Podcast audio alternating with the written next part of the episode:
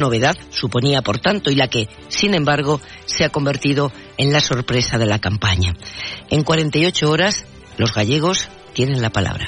Y en 10 minutos el abierto. Con Cristina de la Hoz, Berna González Harbour e Ignacio Escolar. 8 y 20 de la mañana, 7 y 20 en Canarias. Cadena Ser Catalunya. Cultura a un clic. Esports a un clic. Actualitat Tot allò que has de saber a aquesta a un clic. Entreteniment a un clic. Torna a escoltar. Torna a escoltar. O descobreix contingut exclusiu al web de Ser Catalunya. sercatalunya.cat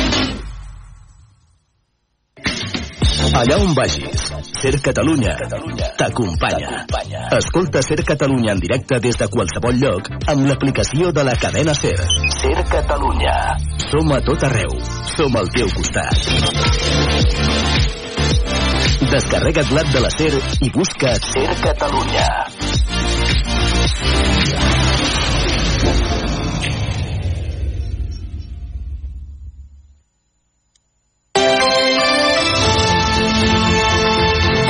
Hoy Catalunya.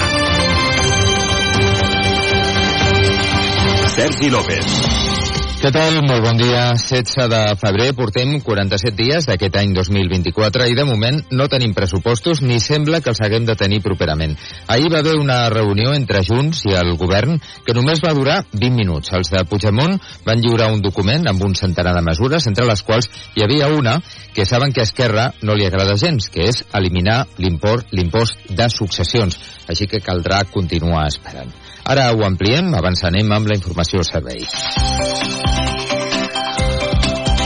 Avui veurem poc al sol, Jordi Carbó. Molts núvols durant tot el dia, si bé en general plourà poc, o més, ara al matí fins a primeres hores de la tarda, a les comarques de Lleida, sobretot al Pirineu i Prepirineu, també s'anirà extenent per totes les comarques de Tarragona. Després, a mesura que avanci la tarda, desapareixerà aquesta pluja, però els núvols seran més actius entre la tarda i la nit a les comarques de Girona i Barcelona, amb alguns xàfecs localitzats afectant poques poblacions i sobretot a l'interior. Ara, amb poc fred, entre els 8 i els 13 graus a gran part de Catalunya, superant els 10 a tot el litoral, màximes al voltant dels 15, cap de setmana amb més sol i suavitat durant les tardes. Anem ara al RAC, com està el trànsit? Alex Huguet, bon dia. Molt bon dia. Continuen actives les dues incidències de l'AP7, una varia al tram de Martorell en sentit Girona, on es talla un carril i encara retira un altre vehicle a l'altura de Montroig del Camp en sentit nord, en un tram on només hi ha un carril obert. En un matí, amb retencions habituals eh, de divendres, menys congestió en general, però sí cues en punts com la C58, amb, amb 4 quilòmetres en sentit nord a Ripollet i en sentit sud a Sant Quirze, l'AP7 eh, també amb retencions a Barberà i Santa Perpètua en sentit sud, igual que el tram de Montornès i Parets que afecten la C17 pel Llobregat, on hi ha més congestió ara és a l'A2 entre Sant Vicenç dels Horts i Cornellà en sentit est i a les rondes amb menys cues ja en sentit sud, tot i que encara amb trams lents a la B10 al Fòrum i a la B20 entre Horta i la Vall d'Hebron. En sentit nord destaquem la ronda de dalt entre l'Hospitalet i Pedralbes durant 4 quilòmetres més. És tot des del RAC. Bon dia.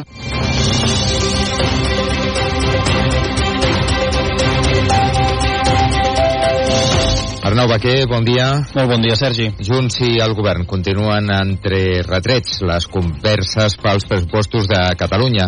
Les dues parts tornaran a trobar-se la setmana que ve després d'haver mantingut una reunió de només 20 minuts amb poques expectatives d'assolir un acord. De moment mantenen una discrepància frontal sobre l'eliminació de l'impost de successions. Sí, aquesta és una de les mesures principals que reclama Junts pel seu suport, una tradicional línia vermella d'Esquerra, si bé els republicans veuen marge d'acord en d'altres mesures. Ara bé, cap de les dues parts creu que l'altra tingui ganes reals d'un possible pacte. És més, Junts creu que el govern ja fa dies que ha triat pactar els pressupostos amb el PSC. Mònica Sales n'és la portaveu. Que el govern no pot caure en un intercanvi de cromos naïf entre Esquerra i els socialistes, com s'intueix des de fa setmanes pels pressupostos de la Generalitat i de l'estat espanyol. El govern, en canvi, acusa Junts de no posar traves des del primer moment per avançar la negociació i de no tenir voluntat d'acord. Hoy por hoy Catalunya. El govern ha posat en marxa una nova unitat d'atenció psicològica presencial a les víctimes de violència masclista.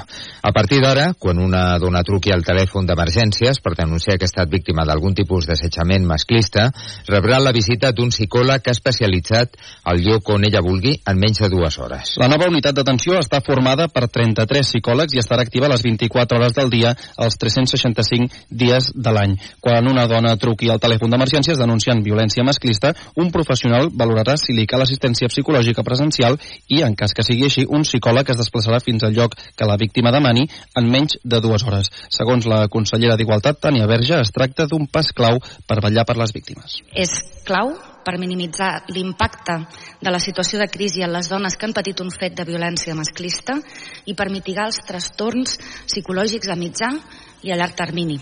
Verge ha precisat que el nou servei, aquest protocol, atendrà també a dones que denunciïn un assetjament que hagi passat temps enrere.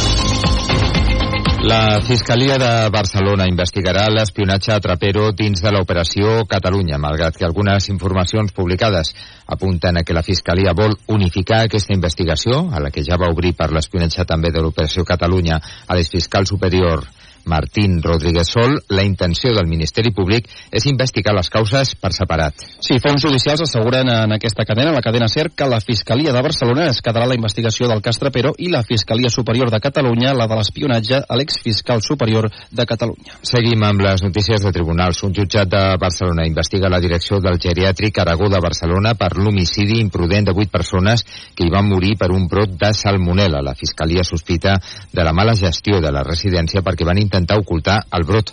Martí Rodríguez. Segons ha avançat el periòdic i han confirmat fons judicials de Ser Catalunya, el jutjat d'instrucció número 17 de Barcelona ha imputat a quatre directius del geriàtric Aragó en la causa que investiga per homicidi imprudent de vuit ancians que van morir a la residència per salmonel·losi. El jutge veu indicis de la seva mala praxis i per això els dona la condició d'investigats i el cita a declarar pel proper 4 de març. La denúncia de Fiscalia exposa que des de finals de juliol fins al setembre de 2022 a la residència es va produir un brot de salmonella que va afectar 39 residents, dels quals 15 van ser hospitalitzats i 8 van morir.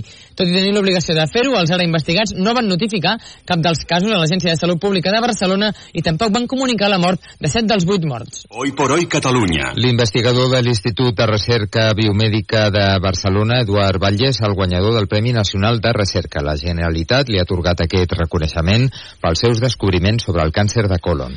També es premia la feina de la investigadora Mar Reguant, la labor divulgativa de Cosmo Caixa o la tasca de mecenatge de la Fundació Antoni Esteve. L'acte de lliurament dels premis es farà el 20 de juny al TNC, el Teatre Nacional de Catalunya. Mentrestant, el govern invertirà un milió i mig d'euros per ensenyar català al personal sanitari. La idea és arribar a 2.700 professionals que, si volen accedir a un contracte permanent a Catalunya, hauran d'acreditar com a mínim el nivell C1. Sí, el conseller Balcells admet que la situació del català a l'àmbit sanitari no és bona. Aquesta setmana, una enquesta del Col·legi de Metges constatava que només la meitat dels facultatius parla amb els pacients en català i per això, deia, han decidit oferir cursos virtuals gratuïts i en horari laboral per tal que els sanitaris es formin.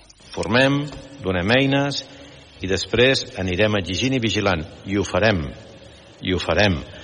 Però primer hem de sentar les bases perquè tothom pugui conèixer bé la llengua, Balcells insistia que el sistema de salut necessita i dona la benvinguda a tots els professionals de fora de Catalunya que vulguin treballar aquí i recorda que per aconseguir una plaça estable cal acreditar com a mínim un C1.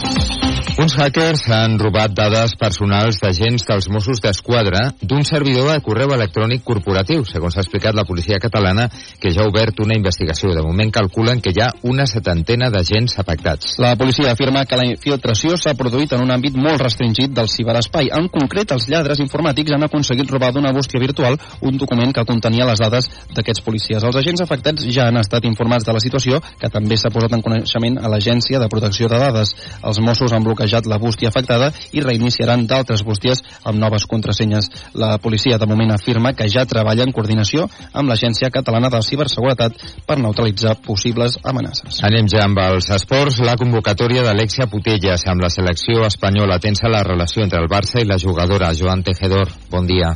Bon dia, Alexia la van operar fa un mes i mig llarg, fa tres mesos que no juga i ara que comença a fer exercicis amb el grup accepta anar convocada amb Espanya a la final a 4 de la Nations League perquè creu que necessita els entrenaments grupals competitius que hi farà per completar la recuperació. La final és d'aquí 15 dies, no té expectatives de jugar, però a la selecció no la descarten si s'hi veu amb cor. El Barça no entenen la convocatòria, han enviat proves mèdiques per intentar que no hi vagi, pensen que és temerari i creuen que és la pròpia futbolista qui ha mogut els fils perquè la cridin. Cal recordar que la renovació d'Alexia amb el Barça està encallada i que l'última oferta del club havia estat estat fins i tot a la baixa respecte a la primera proposta. I una cosa més, el grup Gertrudis se separa. Bon dia, vida. Bon dia, El trio amb aquest estil rombero de la Garriga posarà punt i, final a 25 anys de carrera amb una gira de comiat que començarà el 20 d'abril al Festival de Cruïlla, denominació d'origen Terra Alta, i que acabarà el 23 de novembre a la Sala Razmataz de Barcelona. Doncs amb ells arribem a dos quarts de nou del matí. Que tingueu molt bon cap de setmana.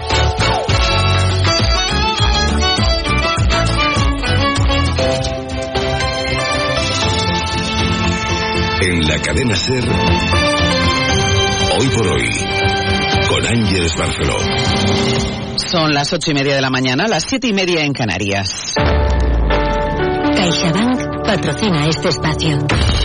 Tiempo para el análisis, tiempo para el abierto en esta mañana de viernes, último día de campaña electoral en Galicia. De ello vamos a hablar en los próximos minutos en el abierto con Cristina de la Hoz. Muy buenos días. Hola, ¿qué tal? Buenos días. Con Berna González Harbour. Muy buenos días. Hola, buenos días. Ángel. Y con Ignacio Escolar. Buenos días. Buenos días, Ángel. Hablaremos de las elecciones en Galicia en clave gallega y en clave nacional, pero primero me vais a permitir que me detenga en un asunto que se ha convertido en polémica en las últimas horas y para eso se ha traído también su cuaderno Ángeles Caballero. Ángeles, buenos días. Buenos días.